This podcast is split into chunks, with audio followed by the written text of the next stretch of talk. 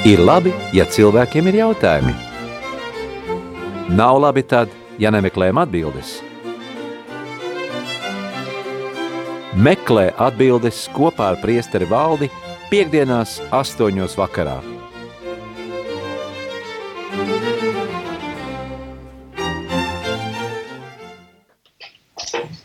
Lai slavēts Jēzus Kristus! Mūžīgi mūžos slavēts! Mīļie rādījumi arī Latviju klausītāji! Ēterā ir raidījums, kā jūs jau dzirdējāt, meklē atbildes kopā ar priesteri valdi. Un kā jums iepriekš jau teicu, tad šī raidījuma laikā jūs varat zvanīt uz studiju uz numuru 67 969 131, lai uzdotu savus jautājumus tiešajā ēterā. Ja nevēlaties zvanīt, tad varat sūtīt īziņu uz numuru 266 77 272 vai arī sūtiet ēpastu uz studija at rml.lv. Mums jau ir atsūtīti ēpastā daži jautājumi, un tad, nu, varbūt sāksim arī ar pirmo. Tāds garš jautājums nolasīšu. Un jautājums ir par visvētāko sakramentu. Tātad visvētākajā sakramentā Jēzus ir savu, reā, ar savu, ir savu reālo klātbūtni ir atklājis gan maizes, gan vīna zīmēs. Es kā ticīgs ļoti ilgojos katrā misē piedzīvot pilnu vakariņu komplektu, pieņemt gan Jēzus miesu, gan asinis. Nešaubos, ka Jēzus to tā ir paredzējis, bet šī iespēja tiek piedāvāta ļoti reti. Parasti pieņemam Jēzu tikai maizes zīmē. Populārs arguments ir, ka Jēzus ir pilnīgi klātesošs gan zem maizes zīmēm, gan zem vīna zīmēm. Tādēļ pietiek ar vienu, lai būtu pilnīgi vienots ar Jēzu. Tam es simtprocentīgi piekrītu. Es ticu, ka pieņemot Jēzu zem maizes zīmēm, es viņu saņemu, nes, es viņu nesaņemu mazāk. Tomēr, kāpēc gan nedāvāt ticīgajiem pilnu pieredzi, kā tas ir bijis pēdējās vakariņās? Analoģija. Protams, ka pilnībā var paēst arī ar saļankas šķīvi. Var iztikt bez otrā, lai remdētu izsalkumu. Tomēr dīvaini būtu, ja visi maltītē, visi ēdieni būtu tikai zupa, bet namatēvs ir vienīgais, kurš notiesā arī kartupelīšus un vistiņu. Gan jau, ka priesteri arī nebūtu priecīgi, ja viņiem teiktu, jums misē taču pietiek tikai um, konsekrēto maizi, tur taču ir viss, tāpēc vīnu var taupīt. Sirsnīgi pateicos jums par kalpošanu un par raidījumu. Uh, garš jautājums, un tad pašā jautājumā jau ir atbildi. Ja jau var saņemt uh, Kristu zem maizes zīmēm, tad uh, pilnīgi pietiek, kad ir zem maizes zīmes. Pilnībā saņem. Nekas nav mazāk, ne, neviens nav pārēdies, neviens nav badā. Un arī praktiski apsvērumu dēļ, es domāju, tāds risinājums, kāds jau gadsimtiem baznīcā ir, tāds ir arī labs.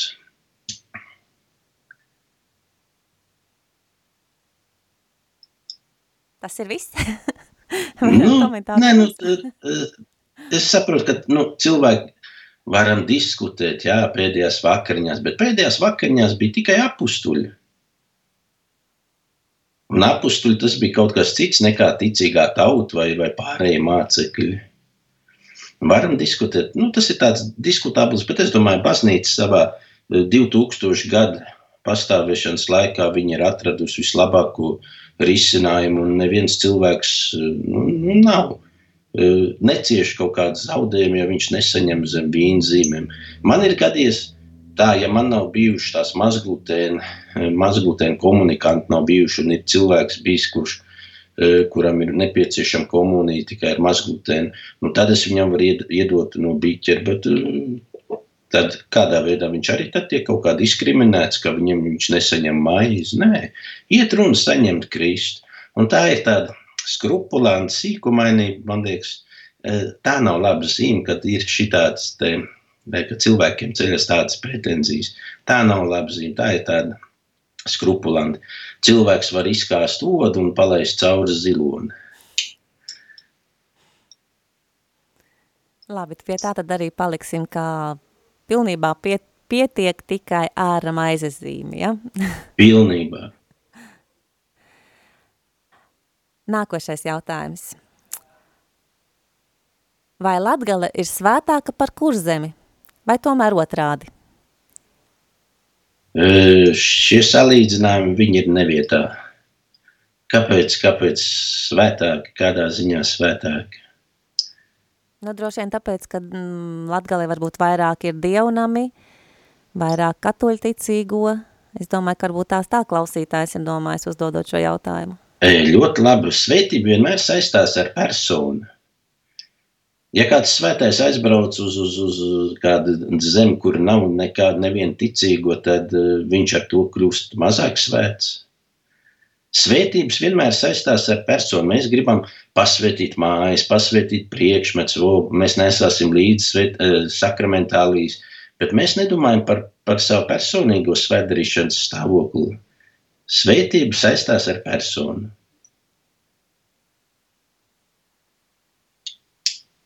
Jā, paldies. Ir jautājums šāds no klausītāja. Vai lūgties pāvesta nodomā nozīmē to pašu, ko lūgties par pāvestu?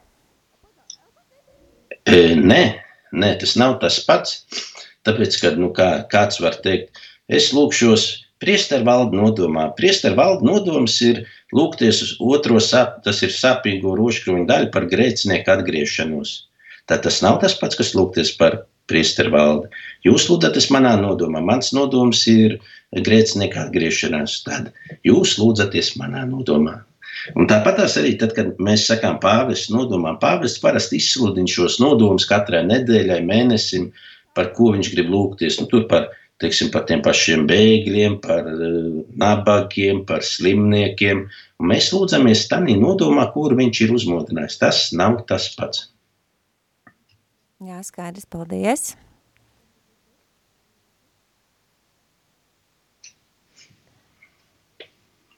Jā, nākošais jautājums. Latvijas draudzēs ir skaisti izkopta koru tradīcija. Vai jūsuprāt, tomēr draudžu kori neslāpē draudzes dziedāšanu?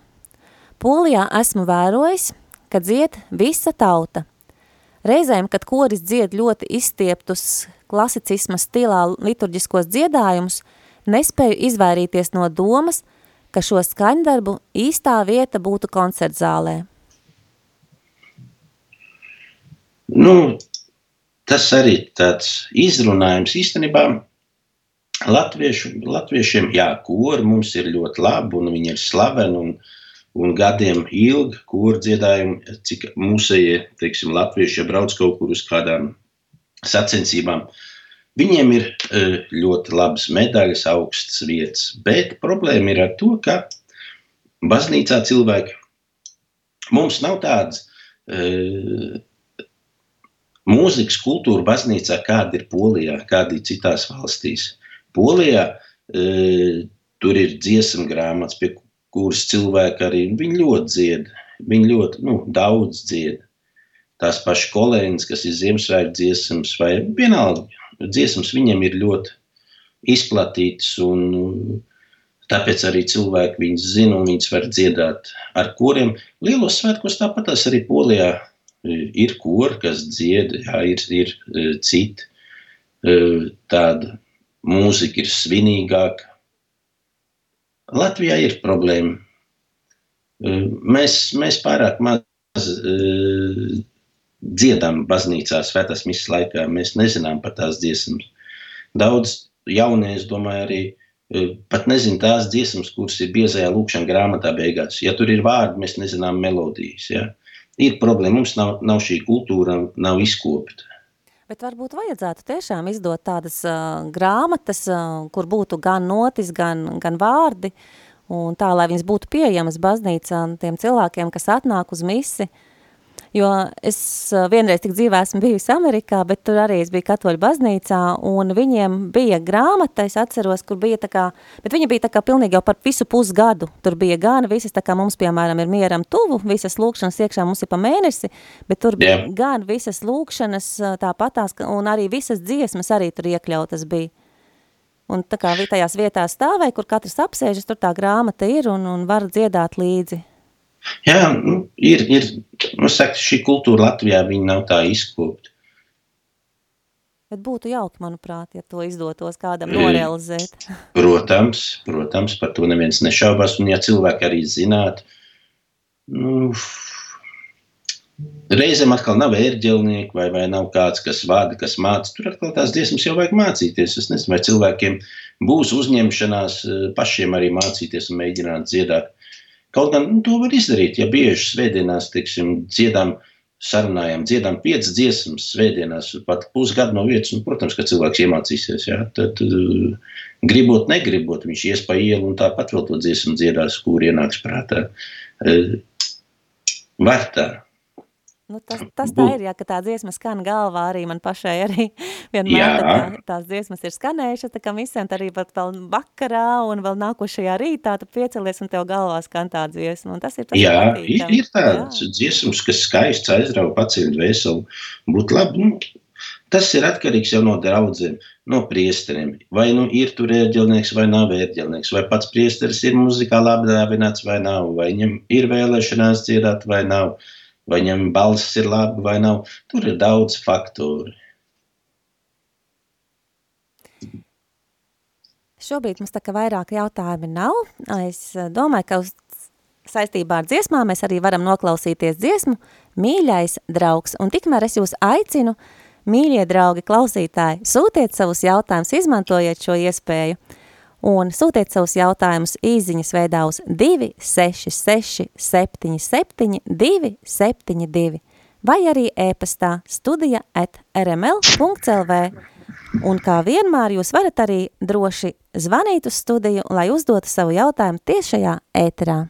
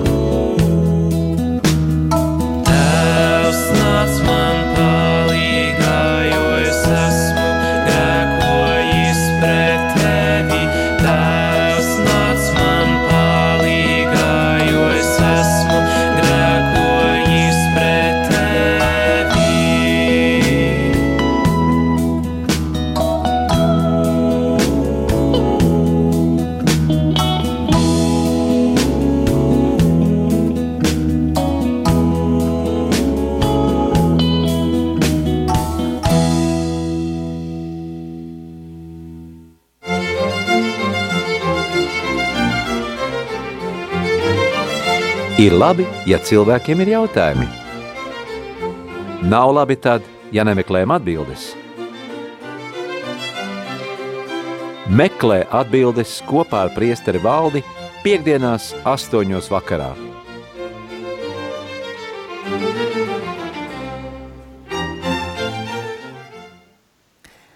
Esam atkal atpakaļ ēterā, un mums kāds klausītājs jautā, kā tas var būt, ka pēc aizlūkšanas paliek nevis labāk, bet sliktāk?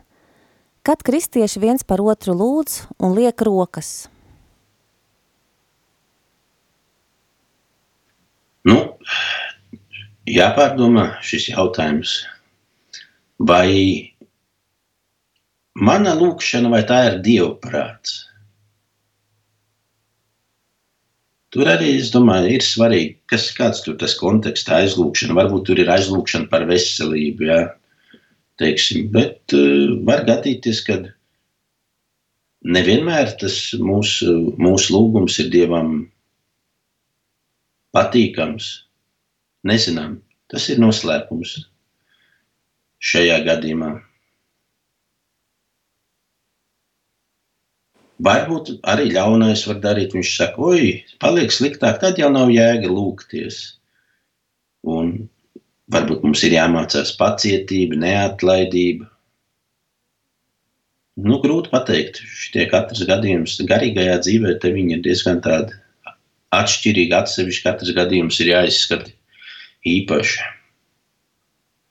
Un ar roku, roku uzlikšanu, kas tās rokas uzliek, ja, arī jautājums kas tās par aizlūgšanām, kas aizlūdz. Ir visādi tur arī varbūt. Ne katram cilvēkam ir tiesības uzlikt rokas.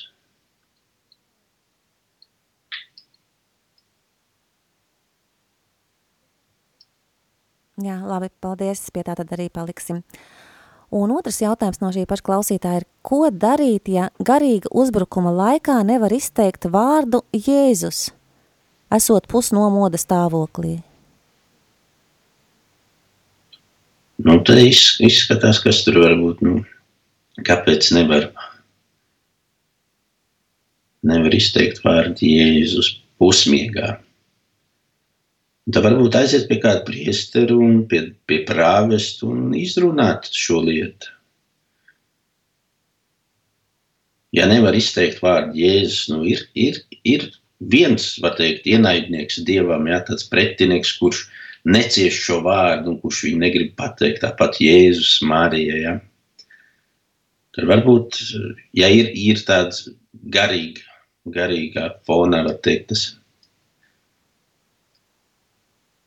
Jā, jautājums ir diezgan dīvains, bet man uzreiz es attāvus atmiņā no manas dzīves, ja es varu tā liecināt, tad, kad Es gaidīju savu trešo bērnu, biju jau slimnīcā un visu, un es gribēju skaitīt tēvreizi, bet es viņu nevarēju nekādīgi vienkārši skaitīt. Nu, nos, noskaitīt tā kā vārdiski, es viņu varēju tikai un vienīgi dziedāt. Tas tā dīvaini, bet, bet es, es līdz šim nevaru to izskaidrot arī, nu, es nezinu, kāpēc, varbūt, tā, varbūt es, ne, tā kā priekš sevis to skaidroju ar to, ka dziedot, tā kā saka, ka lūkšana tā kā vairāk aizsniedz Dievu. Bet uh, jā, tā, tāda dīvaina situācija bija. nu, tur svētais Augustīns teica, ka dzied, tas divi tik lūdzās, bet, uh, nu, jāskatās, nu, cilvēks pusmiegā, nu, viņš varbūt apjūtas, nu, citreiz ieslēdzas kaut kur autopilots svētajā misā, vai, nu, mēs nezinām atbildes, kā tur ir sajūga, jā, atbildes vai aizmirstās kaut vai psalmām tas piedziedājums vai vēl kaut kas. Varbūt arī tāda. Bet man arī ir ienākuši divi jautājumi kad kāpēc Jēzum vajadzēja bāzt pirkstus kurlmēmā ausīs un pieskarties viņam mēlē ar siekalām, lai izdziedinātu. Protams, kad Jēzus to varēja izdarīt vienkārši tā, pateikt, esi dziedināts, bet uh, viņš izvēlējās, lai būtu arī redzama kāda forma. Uh, un uh, pirkstiem, pirkstiem ir nozīme tādā ziņā, ka Tas simbolizē dieva spēku. Tad, kad Jēzus tiek apsūdzēts, ka viņš ar ļauno garu valdnieku uh, spēku, to Belzebuba spēku izdzen ļaunos garus, Jēzus atbild tiem farizējiem, rakstas zinātājiem, viņš saka, ja es izdzenu ļaunos gars ar dieva pirkstu, ar ko tad izdzen tos jūsu dēli. Ja? Dieva pirksts, tas ir dieva spēks. Amēlī pieskārās ar siekalām, nu vispār tas iedomājieties pašu to skatu, divi pirksti ausīs, un kā viņš varēja pieskārties ar siekalām tā e, kurmēmā mēlē, kā ir rakstīts kurmēmais.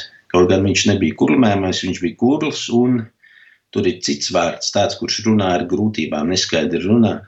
Un kā viņš varēja pieskarties? Nu, viņš varēja vienīgais iespļaut viņam mutē, aizskārt mēli. Un izskatītos, ja mēs iedomājamies, tas izskatītos maz, maz patīkami, bet siekals vienmēr bija tika uzskatīts pie semītiem par gara to esenci, dvēseles esenci, ja, kas ir Un citu biblistu vēl tos skaidros iekals, tas ir Dieva vārds, ja tas nāk no mutes, tas ir Dieva vārds.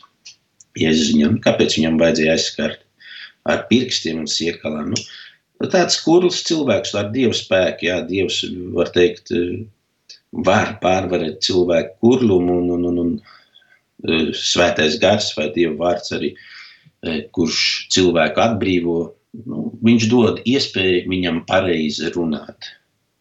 Tas bija nu, pagājušās svētdienas evanģēlī tāds skaidrojums. Un otrs jautājums, kur Jēzum radās brālēni un māsīcas? Evanģēlijā nav rakstīts, ka nu, tur, tur ir pieminēta brāļu māsas, ka viņi meklē un ir atnākuši. Un, e, semītiem ģimenes bija ļoti liels, un arī kaut kādi brālēni, otrās, trešās pakāpes, viņi varēja tikt uzskatīti nu, kā brāļiem no klana. No tās cilts, jā, viņi bija brāļi un māsas, brālēni, māsītes, tāpēc nav problēma. Citi saskata, kā nu, varbūt tur evanģēlists noklusēja, kam arī pēc tam bija vēl kāda bērna vai jāzepam. Nav tādu uh, ziņu, bet uh, vienkārši Viņi tāpat tās saku, otrās, trešās pakāpes brālēni, tie varēja mierīgi tikt saukt par brāļiem un māsām. Draudzēs pirmie kristieši un tāpat tās brālis, brālis klosteros, ordeņos, jā, sauc par brāļiem, par māsām. Kāpēc? Jā, mums klausītājs raksta paldies priesterim Valdim par atbildēm. Nu. Ka mūs klausās. Jā, un ir viens jautājums vēl no klausītāja. Cik bieži ieteicams iet pie grēksūdzes? E, konsekrētajām personām reizes divās nedēļās, bet es cilvēkiem e, saku, nav jābūt lieliem, milzīgiem grēkiem, bet ir labi pie grēksūdzes iet, nu, es nezinu, viens līdz trīs mēneši robežās, nu, lai kaut vai tos ikdienišķos grēks, lai uh, bieži izmeklēt savu sirdsapziņu un nemīdītu sirdsapziņu.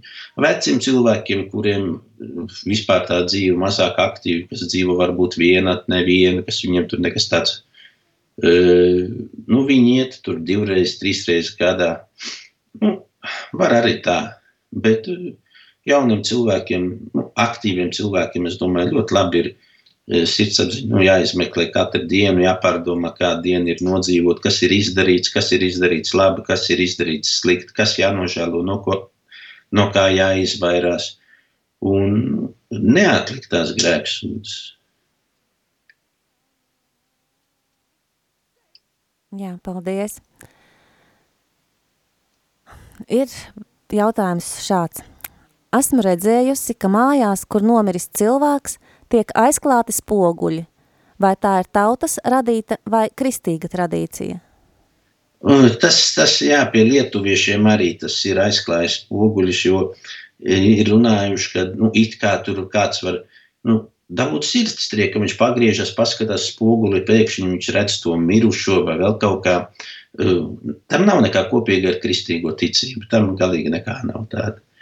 Protams, ka tās tradīcijas ir izveidojušās laika gaitā daudz, bet uh, nekur, es, nu, nekur tā nav baznīca nemāca, ka mājā, kur ir nomiruši cilvēki, kur būtu jāizklājas spoguļi. Tas nav, tas nav tā.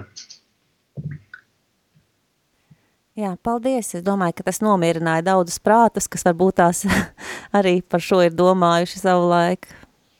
Ir nu, arī jautājumi, cilvēki prasa, nu, re, ir pagājušas tās dienas, nu, kad, mums, kad mums to aizlūgumu vajag par mirušo, kad, nu, kad, nu, kā kurā valstī. Nu, vienā valstī ir seši dienas, citā valstī astoņas dienas, Latvijā 40 dienas, kad iet vāc viss nost no kapiņiem. Un, uh, tās arī ir tādas lokālās tradīcijas izveidojušās, bet uh, mirušajam Viņam ir principā jau vienalga, ja viņš ir atbedīts un nodzīvojis kristīgu dzīvi un misija pa viņu nosvinēt, tad kā tu vari pa viņu palūksies, vai tu palūksies eh, tās 30 dienas vai 40 dienas, es domāju, tas principā tam nav nozīme.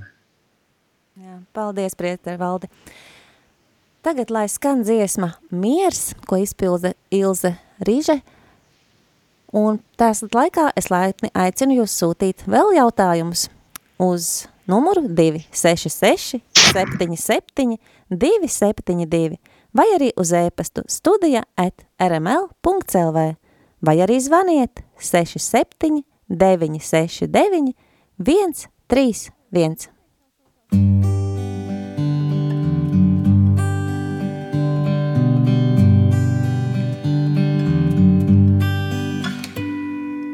Mūsu rokās ir tā laime, kuru kungs tik viens, nepasacīs, neparādīs, kā to gūt neviens.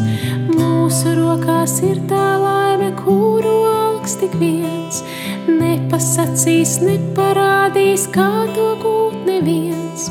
Miers, lai ir tā laime, kuru meklē katra sirds, katrs noraizējies prāts un aizkavējies vārds.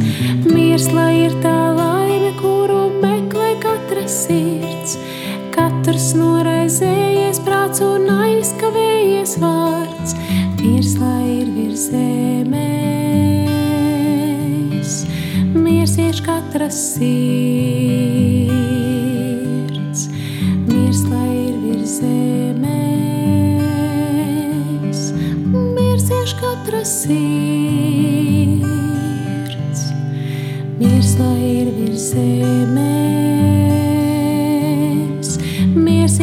katras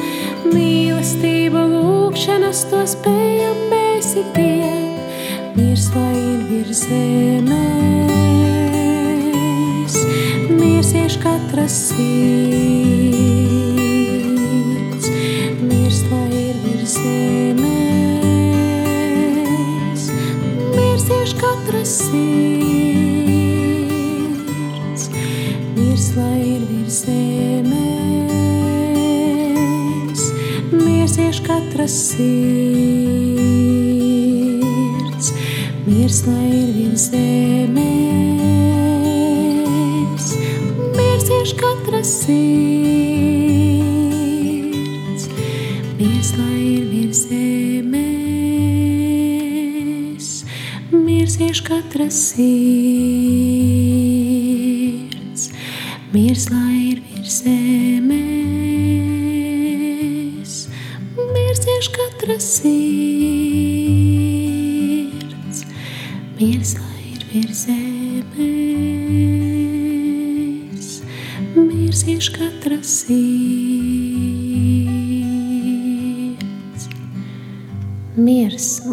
zemes, un miers ieš katras sirds.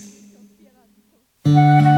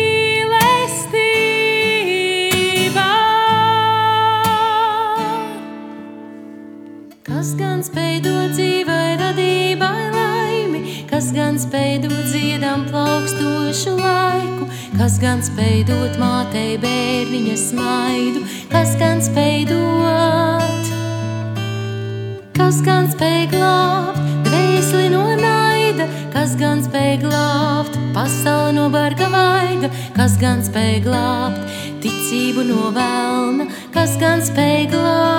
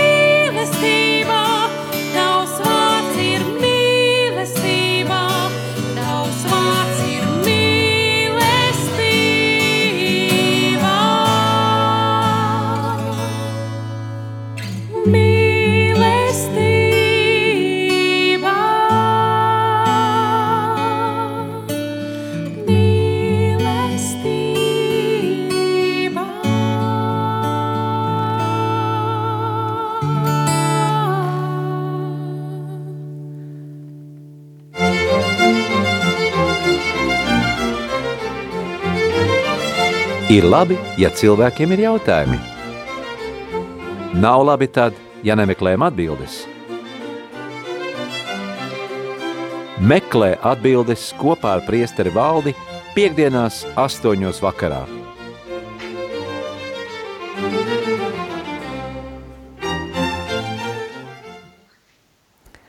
Esam atpakaļ tiešajā ēterā. Tikko pirms šī džingla izskanēja dziesma mīlestība, un ir arī viens jautājums, kas ir saistīts ar šo vārdu.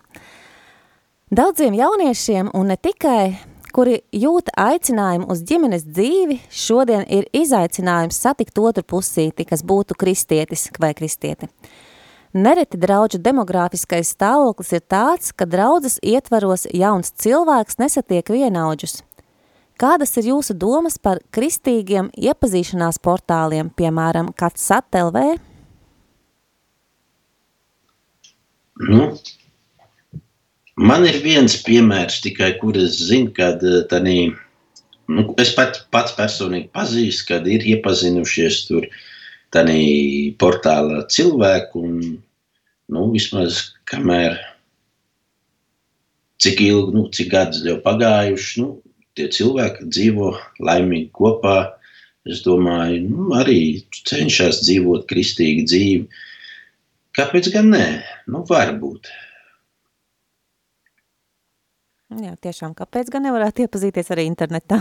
Jā, iepazīties internetā un tad, uh, ir šis reliģiskais uh, cilvēkiem reliģiskā dzīve un viņi to viens varbūt pat ticīgāks, otrs varbūt netik, bet ar laiku viņš tāpat var kļūt ticīgs, ir iespējams. Viss ir atkarīgs no cilvēkiem. Nu, lielā mērā ai, no ģimenēm. Nu, Tādās ģimenēs es zinu, ka tā ticība netiek nodota tālāk, un tāpēc arī mēs brīnamies, kad jauniešiem šīs ticības nav un ir problēmas satikt nu, jāgaida, jāgaida kas nu, tur īstenībā jau nedrīkst gaidīt. Bieži vien cilvēki negrib savus jauniešus spiest iet uz baznīcu, nav tās intereses. Nu, ir smagi, ir smagi tādā ziņā, ka nu, pasaule, pasaulē ir sava evanģelizācija, ja, un baznīca ir sava, un šīs evanģelizācijas viņas nesaskan. Uh, nu, Te ir daudz atkarīgs no, no vecākiem, vecvecākiem, cik viņi izlūdz, kā viņi ar to, mm, ar dzīvi, ar, ar lūkšanām. Nu, atkarīgs, protams, no priesteriem, kādi ir priesteri, priesteri piemērs, svēts piemērs, ja redzam, nu, tas var palīdzēt. Un, bet kaut gan šodien mūsdienās lai uzturētu, dzīvot svētu dzīvi, ir nepārtraukta cīņa. Šai cīņai ir jābūt. Un varbūt viņi pat ir daudz grūtāk nekā tas bija gadus atpakaļ. Jo mūsdienās ir pieejams viss, lai tev no pestīšanas ceļa noņemtu nost. Un, ja nebūs cilvēkiem tā gudrība izvēlēties, kas man ved uz pestīšanu, kas man tai pestīšanai traucēja, tad, nu, diemžēl, cilvēki izvēlas vairāk to, kas viņiem ir patīkams, bet kas galīgi nesaskan ar dievu prātu. Nu. Jā, un uh, ir savā ziņā saistīts jautājums. Uh, vai dzīvojot civillaulībā un ejot pie grēksūdzes un nožēlojot grēkus, priesteris dod grēku piedošanu? Civillaulība, kas ir civillaulība? Tā nav sakramentāla laulība. Priesteris arī nemaz nevar dot grēku piedošanu absolūti. Viņam nav tiesības, tas ir nosacījums, kad priesteris nedrīkst to darīt. Lai cilvēks saņemtu atdošanu, tad tur ir pieci nosacījumi pie, pie grēksūdzes, ka cilvēks izmeklē sirdsapziņu, ka viņš nožēlo, ka viņš apņemas laboties, kad viņš izsūdz un kā dara. Uh, Bet eh, kāda var būt tur eh, nožēla un, un izmainīšanās, atgriešanās pie Dieva, ja cilvēks pēc, pēc svētās misijas, pēc grēksūdzes, viņš aizies mājās un tāpat viņš dzīvos tādā situācijā, kādā viņš ir līdz šim dzīvojis. Kāda tur ir atgriešanās? Nav atgriešanās. Jā. Kāds klausītājs jautā, ko darīt, ja priekšnieks liek darīt darbus, kurš ir pretrunā ar sirdsapziņu. Piemēram, policistus izsūta pret tautu, kad tauta cīnās par cilvēku tiesībām un vārda brīvību. Ja man kāds saka, iet, nu, izdot, teiksim, pavēli sagrēkot. Neviens man nedrīkst dot tādu pavēli sagrēkot. Ja, ja arī dod, tad man ir pilns tiesības un pat pienākums nepaklausīt.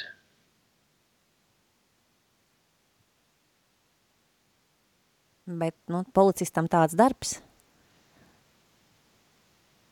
Policistam darbs, nu, dažreiz tas velk lielas konsekvences, seks zem tā, kur policists atrodas. Jāizvēlas. Teiksim, morālā teoloģija māca māc arī tā, ja tev darbā ir iespēja grēkot, tad varbūt pat labāk ir nomainīt darbu. Jā, izēja.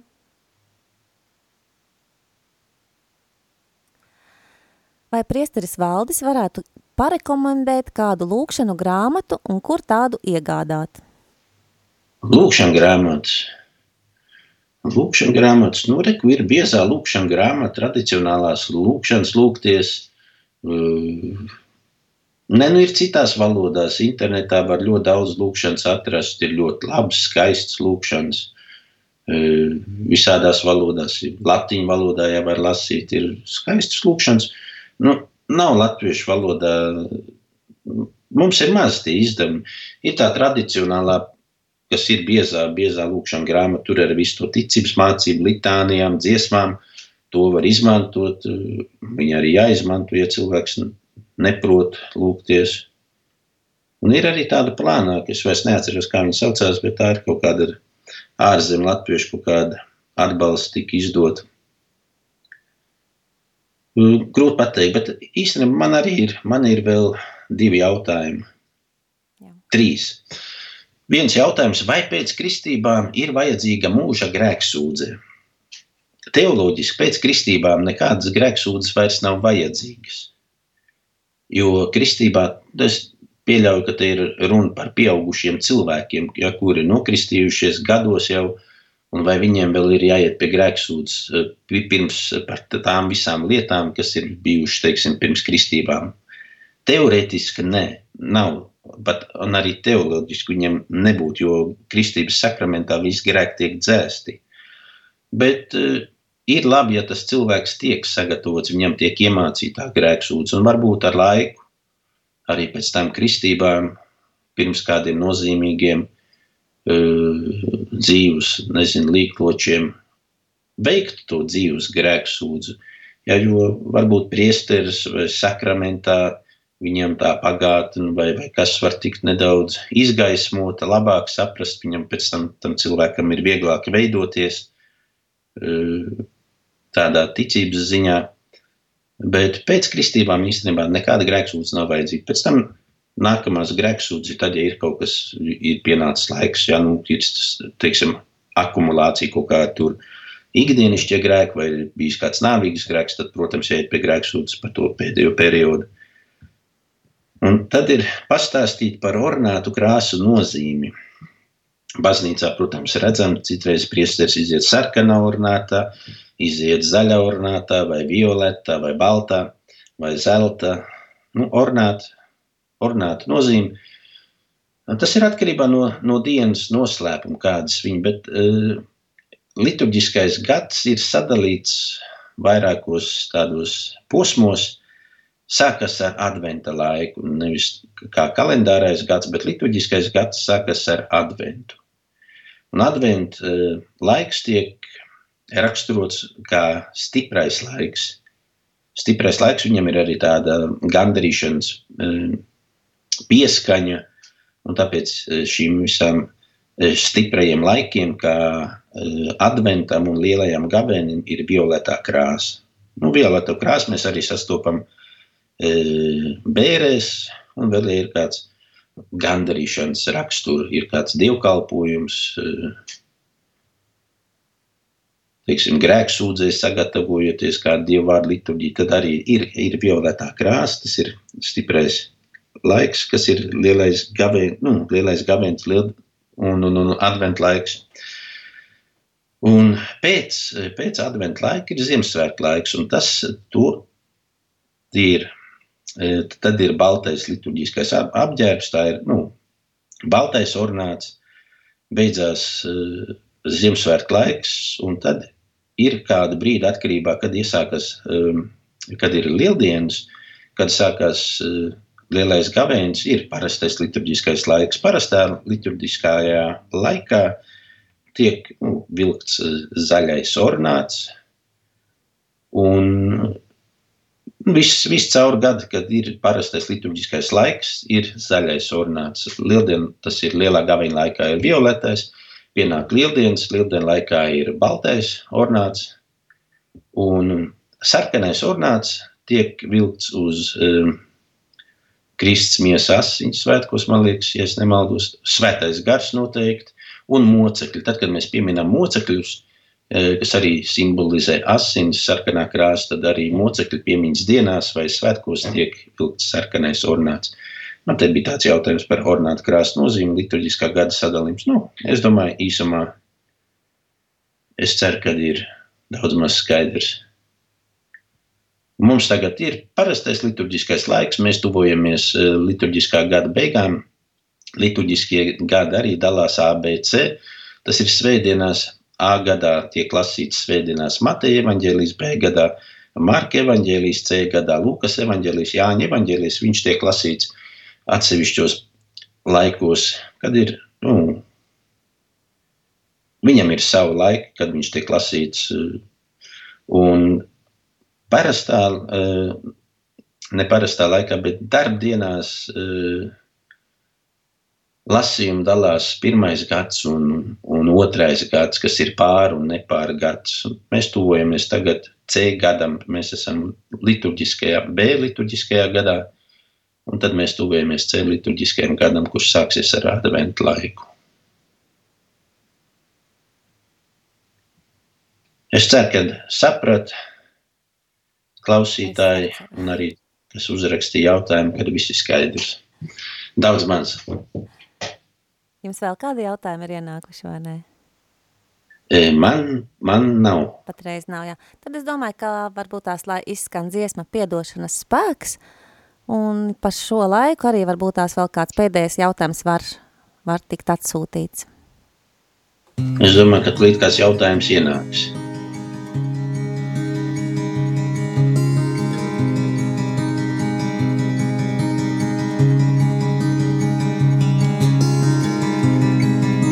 Tavs spēks ir neizmērojami liels. Tas ir tavs piedošanas spēks.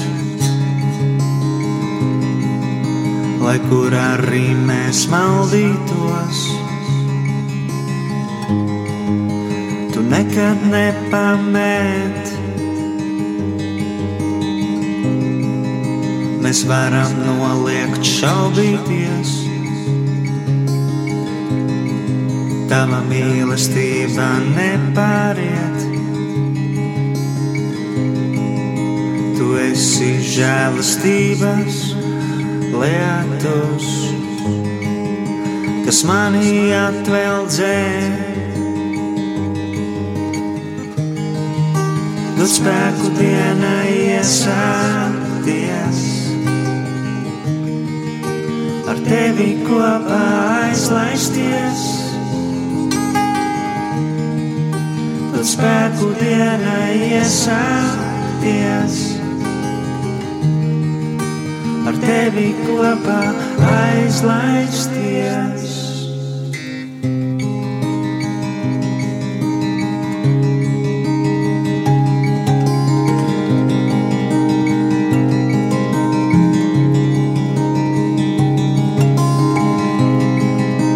Spēks ir neizmērojami Tas ir tavs piedošanas spēks. Lai kur arī mēs maldītos, tu nekad nepamet. Mēs varam noliegt šaubīties, tava mīlestība nekad nepāriet. esi žēlastības lietus, kas manī atveldzē. Dod spēku dienai iesācies, ar tevi kopā aizlaisties. Spēku dienai iesākties. tevi kopā aizlaisties.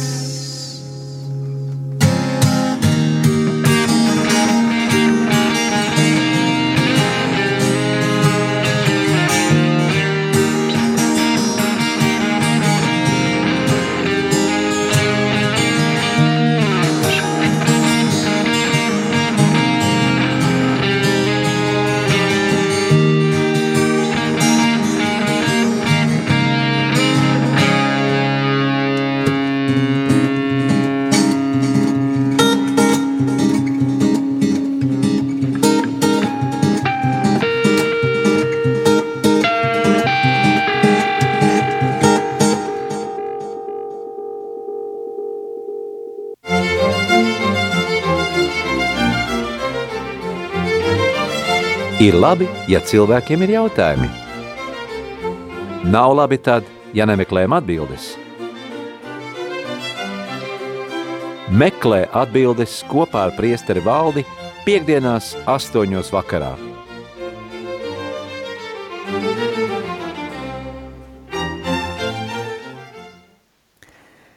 Mums ir ienācis tiešām vēl viens jautājums no klausītāja, tā kā papildus tam jautājumam par civilu laulību. Ja ir plānots noslēgt laulību baznīcā, bet pēc vairākiem mēnešiem, vai vajadzētu iet pie grēksūdzes šodien, vai arī līdz laulību noslēgšanai nav nozīmes iet pie grēksūdzes? Nu, ja dzīvos grēkā, tad kāda nozīme?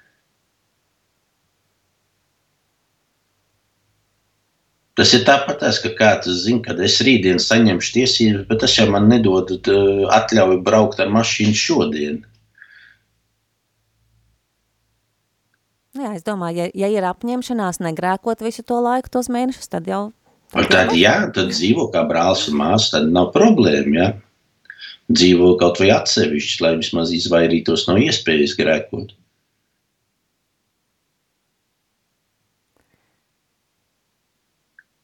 Un šodien jau pēdējais jautājums. Vairāk droši vien nepaspēsim. Ja jums būtu iespēja ar laika mašīnu pārcelties uz laiku, kad pa zemes virsu staigāja Jēzus, un jums būtu iespēja ceļot kopā ar viņu un apustuļiem, ko jūs noteikti vēlētos pestītājam pajautāt? Tas ir kā pērkons no skaidrām debesīm tāds jautājums tādā uh, fikcijā es vēl neesmu ieslīdējis. Varbūt kādreiz es par to domāju, ko es viņam jautātu. Uh, nu, es baidos, ka vēl, vēl neesmu nobriedis, lai. Varbūt mēs varam šo jautājumu pārcelt uz nākošo nedēļu. Varbūt, ka pa šo nedēļu rodas kaut kāda atbilde šo jautājumu. Jā, un cilvēkiem ir vērts pajautāt, ja, nu jā, paši, ko viņi gribētu Jēzum pajautāt, kas viņiem ir aktuāls. Un īstenībā te mēs varam izsijāt to, kas ir mazvērtīgs un to, kas ir nozīmīgs, ja, tad mēs eh, varam apskatīties, cik tiešām daudz laika mēs veltām kaut kādām maznozīmīgām lietām. Jā, es domāju, ka tas ir gana labs šī, šīs dienas raidījuma arī noslēgums jo mums vairs pat tikai 5 minūtes līdz pulkstens deviņiem. Tad es domāju, ka mēs šovakar varam arī šo raidījumu beigt. Paldies, priesteri Valdi, ka jūs atbildējāt uz klausītāju jautājumiem. Paldies, mīļie klausītāji, ka jūs klausaties un rakstat šos jautājumus, sūtat mums tos. Droši sūtiet tos visas nedēļas laikā uz e-pastu studija at rml.lv un uh, tad mēs nākošu piekdienu atkal tiksimies un atkal varēsim atbildēt uz tiem. Šovakar tad mēs varam arī atvadīties. Ar jums šovakar kopā biju es Rita. Priesteris Valdis. Lai visiem svētīgs vakars. Lai top slavēts Jēzus Kristus. Mūžīgi mūžos slavēts.